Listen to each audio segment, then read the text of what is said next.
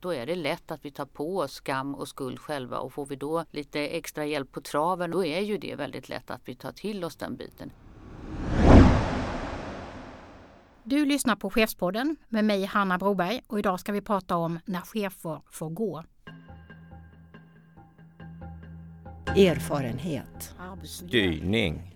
Administration. Lyhörd. Kompetens. Underskott. Tillgänglig. Kommunikation. Motgång. Förtroende. Ansvar. Coachande. Rättvis. Konflikt. Tillit. Arbetsmiljö. Ledarskap. Hej och välkommen till Chefspodden med mig Hanna Broberg. Chefspodden görs av Svensk Chefsförening och Akademikerförbundet SSR och idag ska vi eh, träffa Birgitta Björk som är vår gäst och vi ska prata om chefer som får gå. Välkommen Birgitta! Tack så mycket! Du eh, och jag har ju pratat om det här med att chefer får gå och, och tvingas lämna ibland och vi har båda två erfarenhet av att göra det och hur viktigt det är att vi som har erfarenhet pratar om detta. Eh, och jag tänkte att vi skulle eh, prata ordentligt om det i, idag på lite olika sätt. Men jag tänkte lite först, vem är du? Vad har du gjort? Berätta lite mer om dig själv. Du har varit chef i massa av år. Ja, man skulle kunna göra en väldigt kort sammanfattning och så ska man säga att jag är en förändringsledare i medborgarnas tjänst. Vilket innebär att jag har jobbat i både stat, kommun och landsting som chef och jag har suttit i kommunledningar, jag har suttit i myndighetsledningar men jag har också jobbat i näringslivet.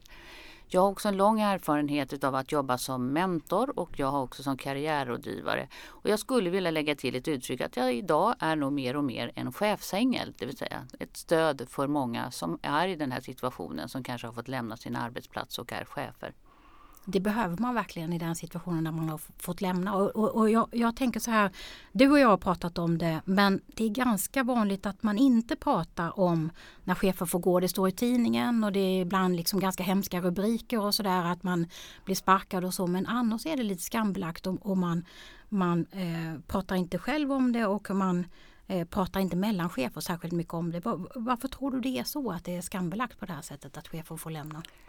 Jag tror att det handlar väldigt mycket om rädsla. Det är en eh, rädsla för att om man, om man tittar till exempel i Sverige så, så är det ju så att när man säger sparken, jag tycker man ska vara väldigt varsam med ord. Eh, därför att eh, det här med sparken det innebär ju att man har gjort något eh, kriminellt eller någonting som är olagligt och det har de allra, allra flesta som får gå inte gjort.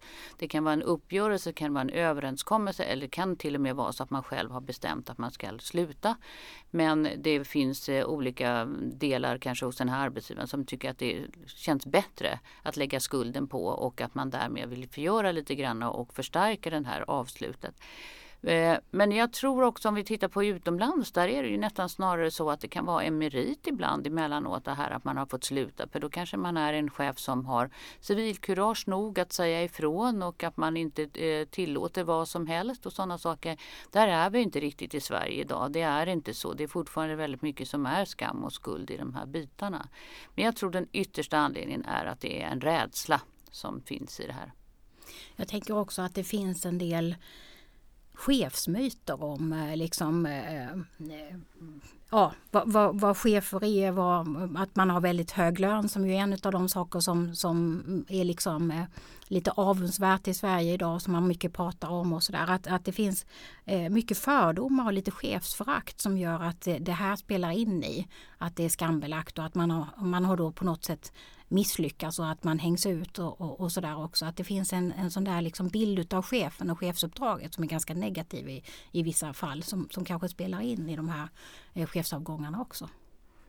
Absolut och jag är ju helt övertygad om att även om man vet själv varför man har lämnat en organisation så är det ju en form av ett misslyckande. Även om man lämnar därför att man kanske inte tycker att man kan få ha de förutsättningar man behöver för att kunna göra ett bra jobb som chef så är det ju ändå ett misslyckande och då är det klart att då är det lätt att vi tar på oss skam och skuld själva och får vi då lite extra hjälp på traven om man nu skulle uttrycka det så eh, att andra i omgivningen också lägger på det då är ju det väldigt lätt att vi tar till oss den biten.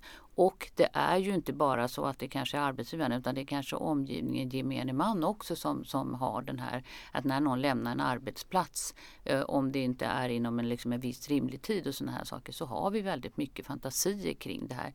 Det är ju väldigt sällan vi tar reda på hur det verkligen är utan vi bara förutsätter att det är på ett sätt utan att ta reda på hur sanningen egentligen ser ut. Eller åtminstone ta reda på hur det ser ut för just den här chefens skull, så fråga den.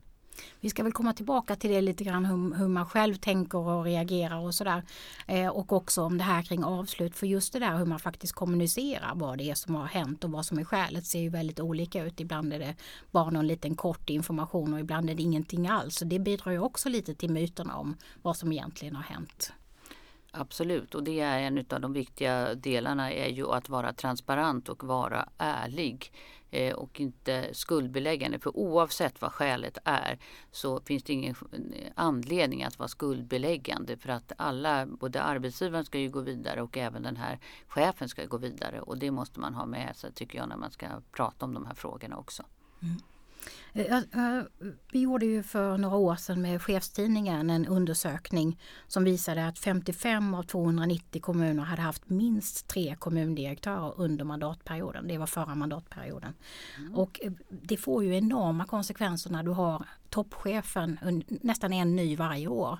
Eh, och, och, och också vad som händer kring att en chef då, högsta chefen får gå. Det tumult som är då med den här, all den kompetens och så som man tar med sig när man går ut genom dörren. Och så lång tid det tar innan en ny kommer på plats och är varm i kläderna och sådär. Eh, vad har du för tankar kring den typen av liksom, hög chefsomsättning och, och vad det gör med en organisation?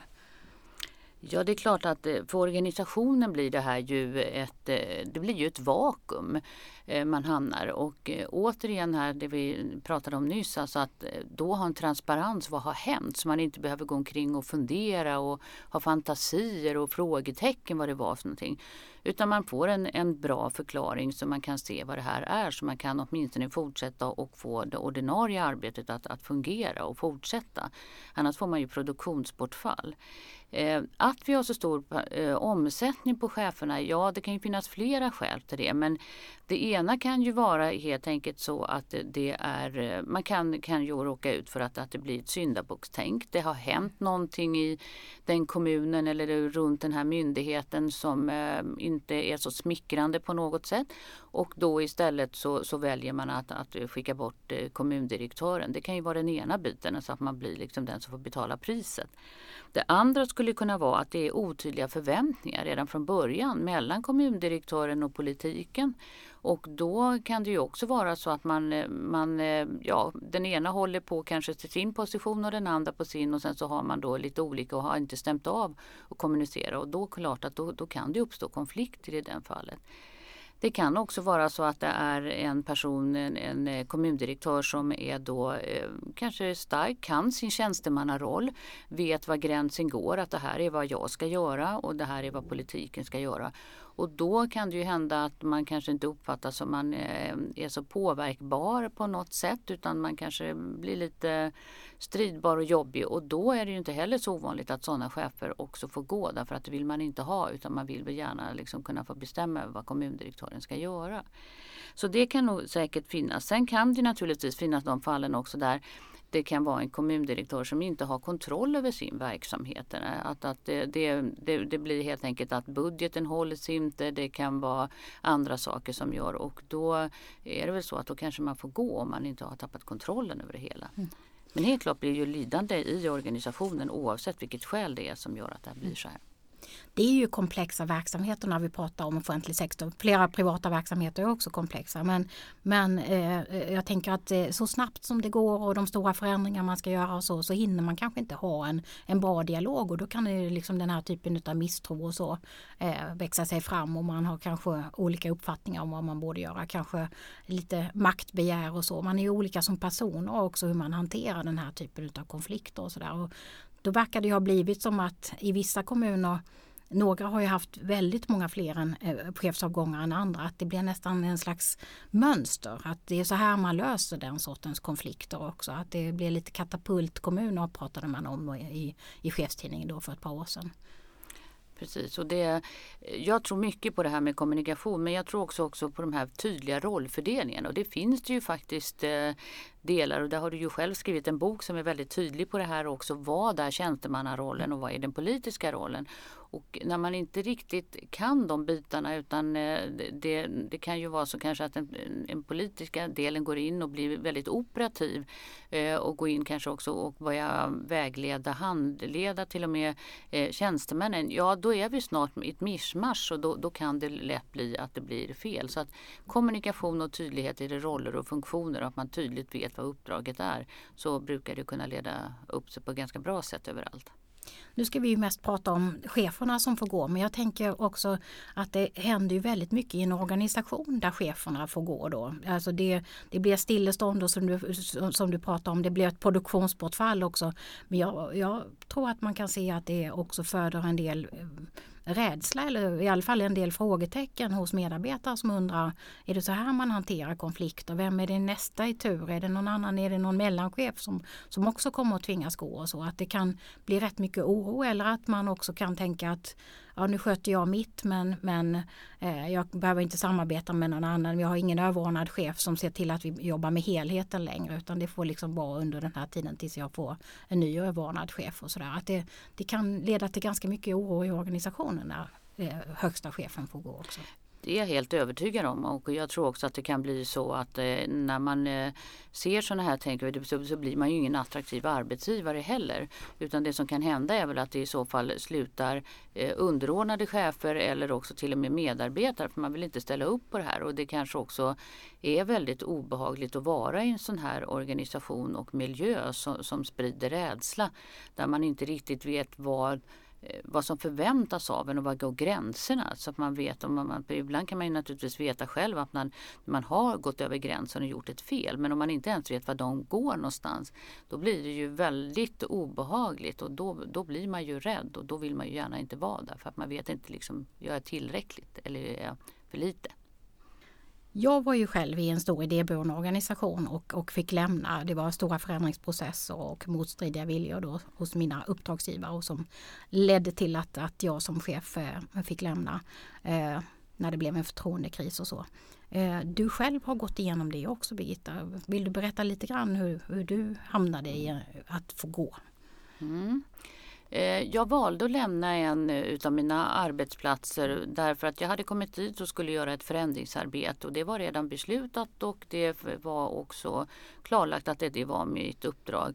Och det började bra och det var, alla var med på tåget och, och då sådär. Men så småningom så blev det så att man började känna egentligen var det inte riktigt förankrat att det här eh, själva förändringsarbetet skulle genomföras.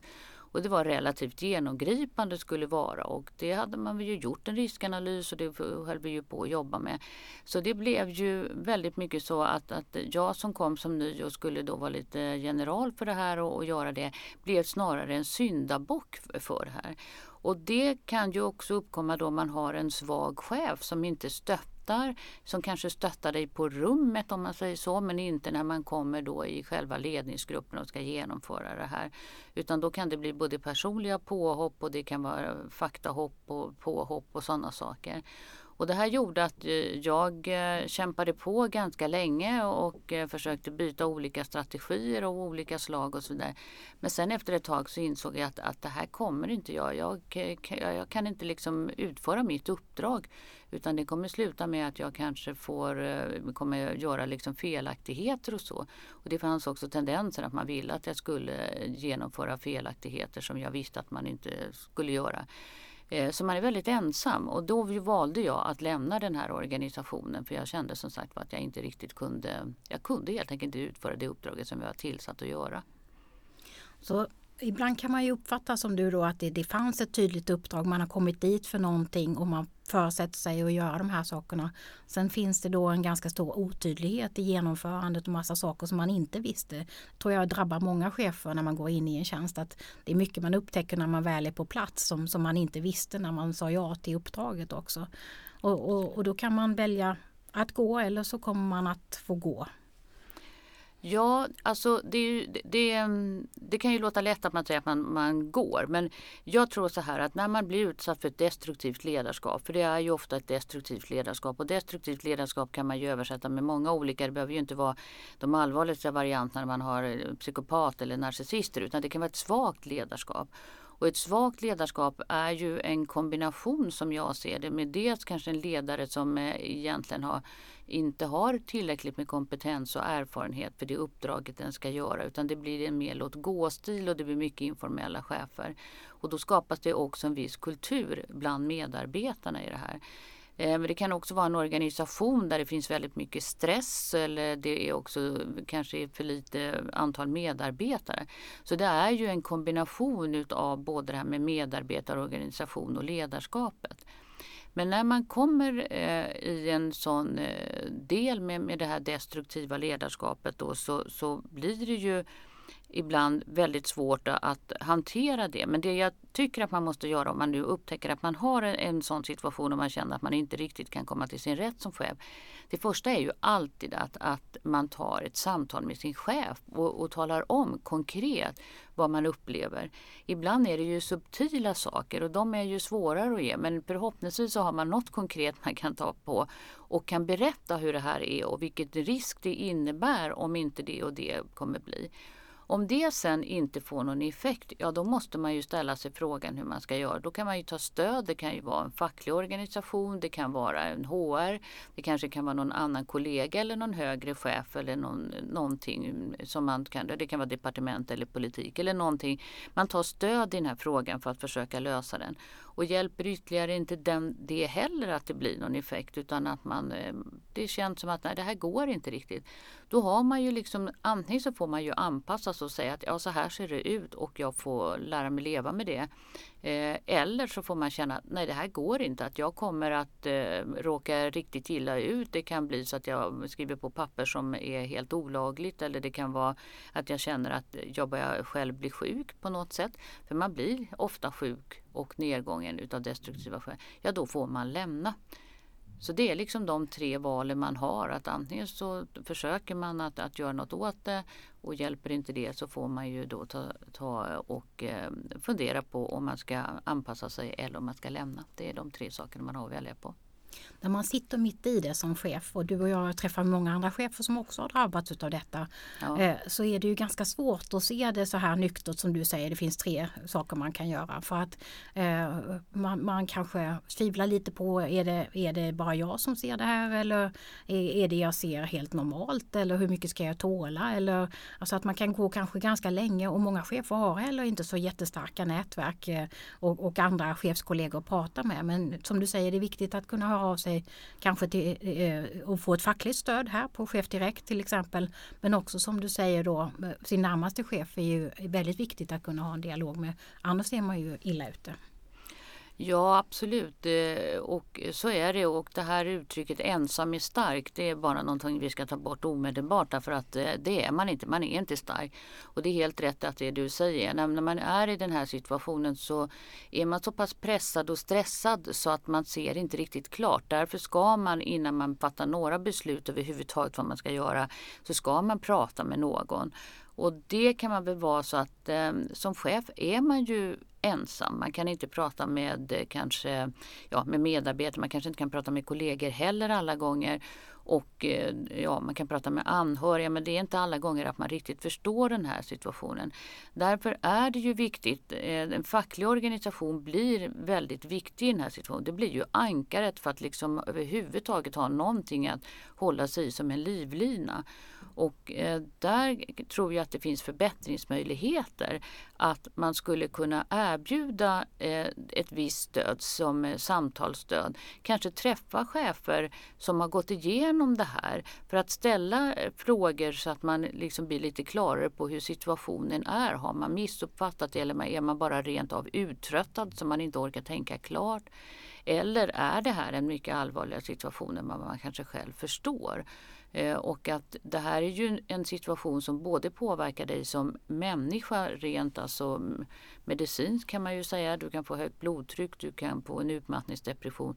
Men det kan ju också vara så att, att ditt omdöme och beslutsförmåga blir sämre. Så det får verkliga effekter också på verksamhet och organisation.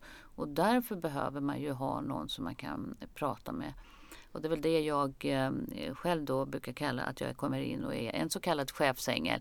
För att vara det här stödet och att kunna vara någon som pratar med och eh, kunna bolla frågorna som inte är inne i organisationen. Och då är det viktigt att säga att från, från facket så kan vi också ge råd kring, kring avtalet till exempel. Att veta sitt avtal och vad man har rätt till. Och, och där kan ju också vara så att du vet att det finns chefstöd och sådana saker som handledning och sånt som du kan begära från din arbetsgivare. Så att eh, försöka ta, ta, ta hjälp eh, om det är utav dig Birgitta eller om det är utav någon annan då i den situationen. För det kan ju vara så att man klarar ut den här eh, jobbiga perioden också. Det är lätt gjort att lägga mycket på sig själv men försöka hitta det här organisatoriska stödet runt om för att klara en jobbig situation. Eh, tänker jag också. Men, men, inte minst då att faktiskt ha koll på sitt avtal eh, och höra av sig till oss om, om de formella sakerna. Den tryggheten måste man ha i den jobbiga situationen. Och det är viktigt. Det är väldigt viktigt. Det, det, är, både, det är både hårda och mjuka fakta i de här så att det är absolut en viktig del. Du har varit inne lite grann på det, det här med hur man tänker i den här eh, tuffa situationen. För man blandar ju liksom både vad är det för eh, resultat jag ska uppnå, vad är vi på väg i vår organisation. Man är liksom eh, fokuserad på uppdraget och så hamnar man i de här väldigt eh, svårhanterade eh, eh förtroendeproblem och, och sådana saker. Att eh, det, jag uppfattar att det är många som lägger mycket på sig själva i den situationen. Hur tänker man liksom när man är mitt i den här jobbiga, du säger man kan drabbas av eh, fysiska och psykisk sjukdom i en sån här pressad situation också. Men just det här mm. att man lägger mycket på sig själv, det, varför gör chefer det? Ja, det är klart att, att det som startar upp i en sån här, det, det, det, är ju väldigt lätt att ta på sig en skuld och fundera på har jag gjort något fel, har jag missat någonting, har jag, kunde jag gjort på ett annat sätt? Och sådana saker. Och, och, det är klart att det ska man alltid reflektera över för att det är klart att man måste börja se sig själv och de egna delarna man har gjort. Men det blir ju en sorgprocess som startar upp i den här och i början är ju utav nästan alla sorgprocesser så blir det ju en chock och kaotiskt. Man, man, man vet varken ut eller in och man vet inte Och då pratar vi om när man har fått gå. Ja. ja precis. Eh, men även innan det påbörjas egentligen då eh, också den här själva sorgprocessen som man behöver vara medveten om och förstå och känna efter lite grann vad man är. Och det är därför det här stödet blir så viktigt då för att kunna bolla ut för att se om man kan liksom rätta upp någonting som kanske var ett missförstånd från början eller man inte har kommunicerat tillräckligt eller sådana saker också. Jag, jag såg i eh, chefstidningen nu så var det en artikel med Transportstyrelsens förra GD Maria Ågren som fick lämna när de här eh, eh mediegranskningarna blev och, och, och så. Och eh, hon är väldigt tydlig med Eh, när hon pratar om, hade jag kunnat göra någonting annorlunda? Nej, hon kom in tre månader och, och hade hon varit på tjänsten när hon skulle få skriva på de här avtalen. Och hon, I backspegeln så tyckte hon att hon hade gjort allting rätt. Hon gick in i det också med liksom fokus på uppdraget och, och en energi för att klara allt detta. Och man kan inte liksom ha eh, ja, någon slags eh, begränsa sig eller för mycket liksom farhågor eller så utan man må, måste jobba framåt väldigt mycket. Och hon, hon säger också i artikeln nu att hon ältar inte heller riktigt det som har hänt utan nu måste hon se framåt och sådär. Är det, eh, jag tycker att det är lite ovanligt förhållningssätt. En del blir ganska illa berörda av när de får lämna och man går och grubblar över min, mina resultat. Jag ville vara en del av det. Jag ville vara mina medarbetare som jag var till för och, och, och verksamheten var jätteintressant och sådär. Och så, och så får man lämna det sammanhanget och man får lämna mitt i och inte ha kunnat avsluta eller uppnå de där resultaten. Så man går och ältar en del av, kunde jag gjort saker annorlunda eller kunde jag ja, varför blev det så här och så. Eh, eh vad uppfattar du när du träffar chefer som, som har råkat ut för det här? Ältar man eller lyckas man lägga det bakom sig? Och vad, vilken är en bra strategi tror du? Alltså det vanliga är ju, och jag tror att man skulle kanske säga också att det, det ingår kanske i hela den här processen att man älter och ifrågasätter, man vill ha svar på frågor. Sen kan man väl säga så här, det beror lite grann på hur den här processen har gått till när man har fått lämnat. Har det varit en, en, en transparent och, och man har haft bra samtal och, och man är, eh, eh, förstår varför och, och sådana saker, ja då är man lite snabbare på banan och, och kunna tänka framåt och framtid. Men har man ingen, du kanske har fått gått på dagen och du förstår inte vad som har hänt, alltså du är ju i chocktillstånd, då kommer man behöva utan naturliga skäl att både kanske älta, fundera, eh, försöka få svar på frågor och sånt. Det är en, liksom en bearbetningsfas som man måste ha. Det man kan säga är väl att, att det viktiga är ju att den inte får bli allt för lång utan att man får hjälp för ibland kommer man inte få upprättelse. Ibland kommer man heller inte att kunna få känna av att man kanske får svar på alla frågorna. Utan man måste börja tänka framåt. Eh, och det här är en viktig del. För att det som jag har märkt är att det vanligaste där det, blir, där det kan bli komplicerat det är om man har gjort sitt arbete eh, enligt alla förordningar och till punkt och pricka om man har gjort någonting sånt. Men man kanske har påvisat att det är någonting som inte är så bra. Och helt plötsligt ifrån att egentligen ha gjort precis det man ska enligt sin, ja, sin arbetsordning så blir man en så kallad visselblåsare. Och det där brukar vara smärtsamt därför att det är väldigt ofta de som är väldigt duktiga och nitiska och som vill göra och helt plötsligt så får de på sig någonting som blir helt negativt. Och stämningen runt omkring dem i organisationen från kollegor och så blir helt plötsligt också att man ser på dem på ett annat sätt. Från den där dugliga och duktiga personen så är den helt plötsligt någonting annat som har eh, gjort något fel. Man förlorar sin identitet lite Absolut. i det. Och det här är ju någonting som eh, blir väldigt smärtsamt. För det blir precis som du säger, man tappar sin identitet och man, man förstår egentligen inte riktigt vad man är med om och vad det är för något. Man, det var som någon uttryckte, man åker runt som i en torktumlare och begriper inte överhuvudtaget varken vad, vad utgången är och hur man ska komma ur det här. Och det behöver vi tänka på som chefer eller medarbetare som är i en organisation också. Möter vi en person som har hamnat i den här situationen, då behöver vi hjälpa den att plocka ihop kroppsdelarna brukar jag säga så att de kommer på rätt ställe i förhållande till om man inte har det. Så att startsträckan är längre för dem och de har mer behov av att få träffa och prata någon och älta lite mera. Men dock inte för länge. Nej.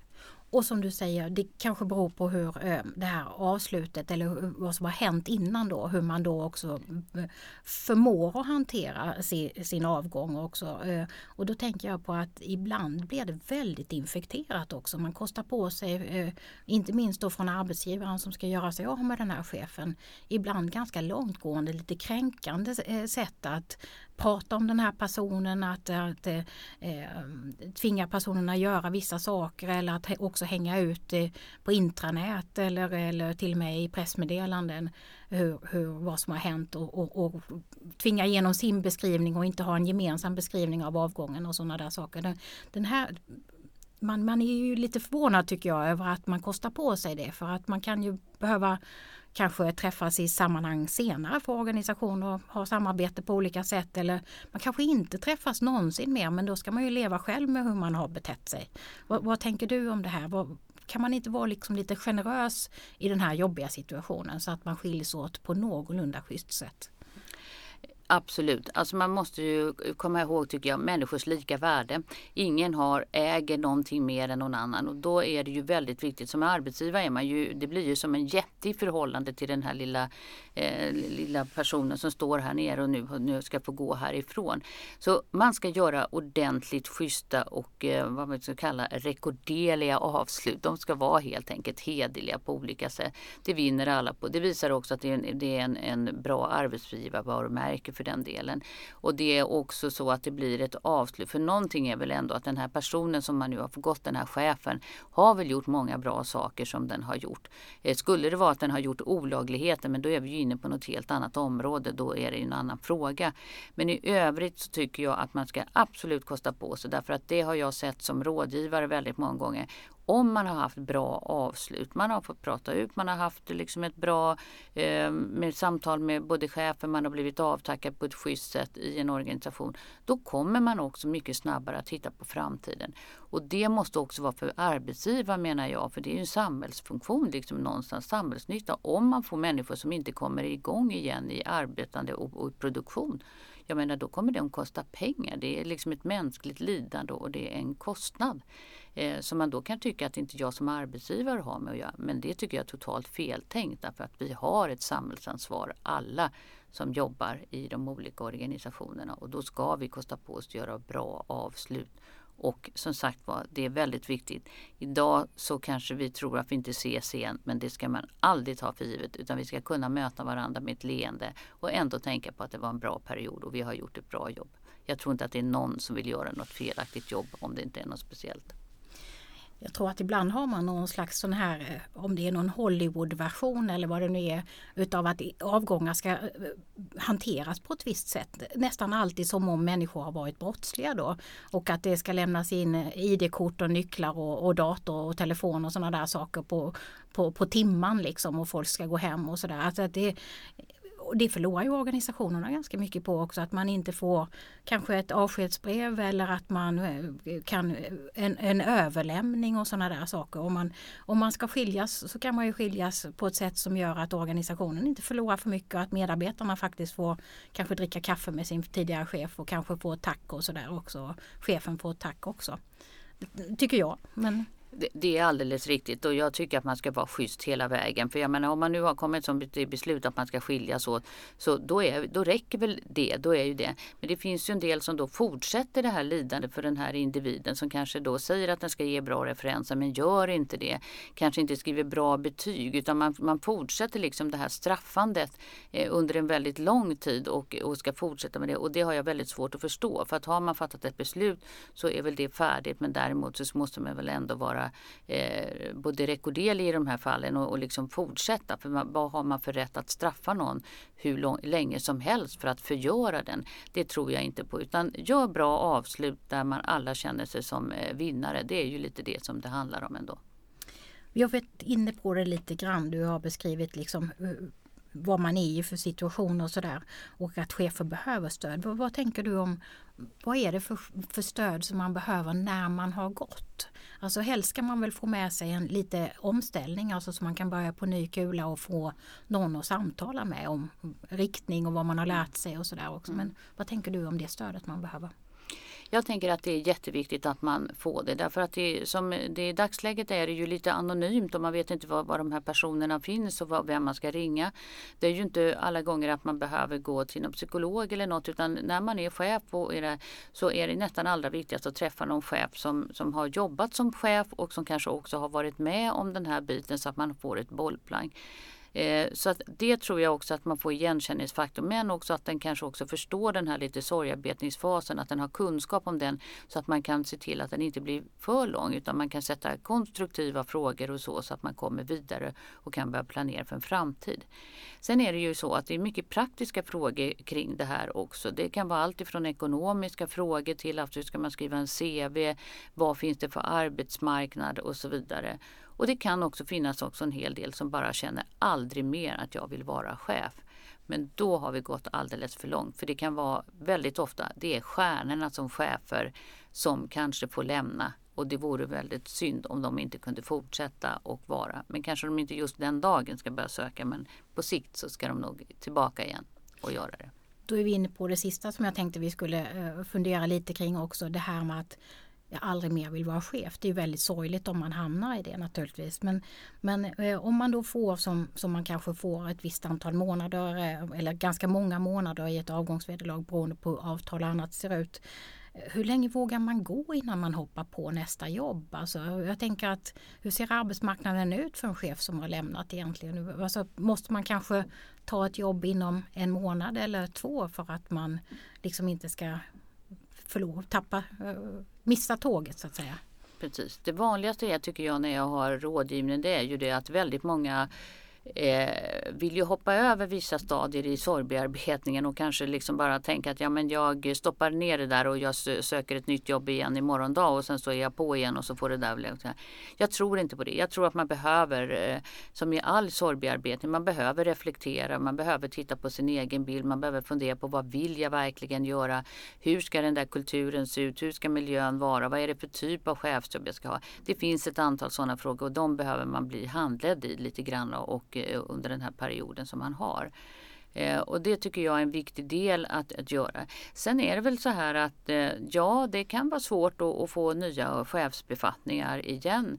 Eh, därför att eh, som sagt det är väldigt mycket när du kommer idag till rekryteringar eller du kommer till arbetsgivare. Om du har varit en kort tid på något ställe eller du kanske inte kan lämna referens därför att man kommer inte att vara särskilt neutral i sin bedömning. Då blir ju det ett, ett längre straff för någon. Men jag tror på att eh, man kan inte bestämma vad andra människor människor varken ska säga eller tycka om en. Utan man måste vara väldigt öppen och ärlig själv och se till att man har den här historien och så också se sin egen del i den. Och då får man hoppas att man kommer till arbetsgivare som verkligen kan se att det här är en tillgång. För det här är en person som har fått reflektera och kommit till en ökad självkännedom om sig själv.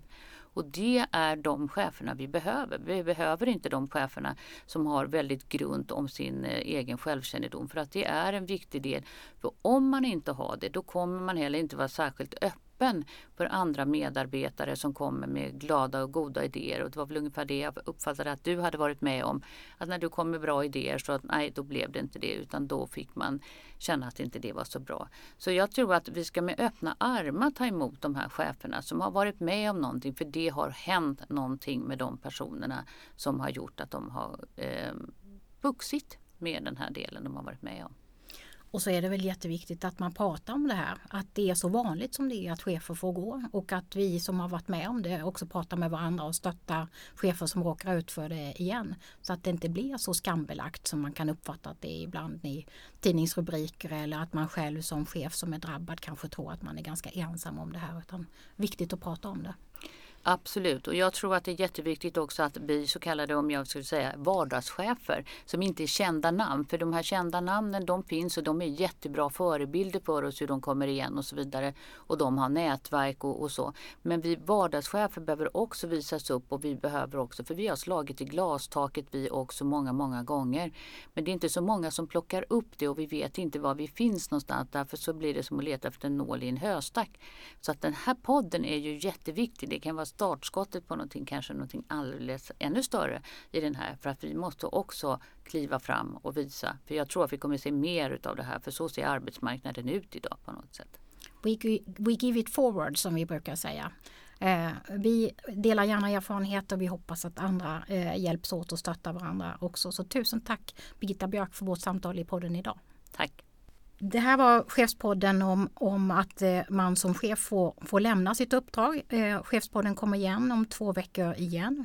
Varmt välkommen tillbaka. Och vill du ha råd och stöd så finns Chefsdirekt på 617 44 00. 08 617 44 00. Och det är jätteviktigt att höra av dig om ditt avtal eller andra saker som rör din chefsroll och prata med våra chefsförhandlare och få trygghet och stöd. Hej då!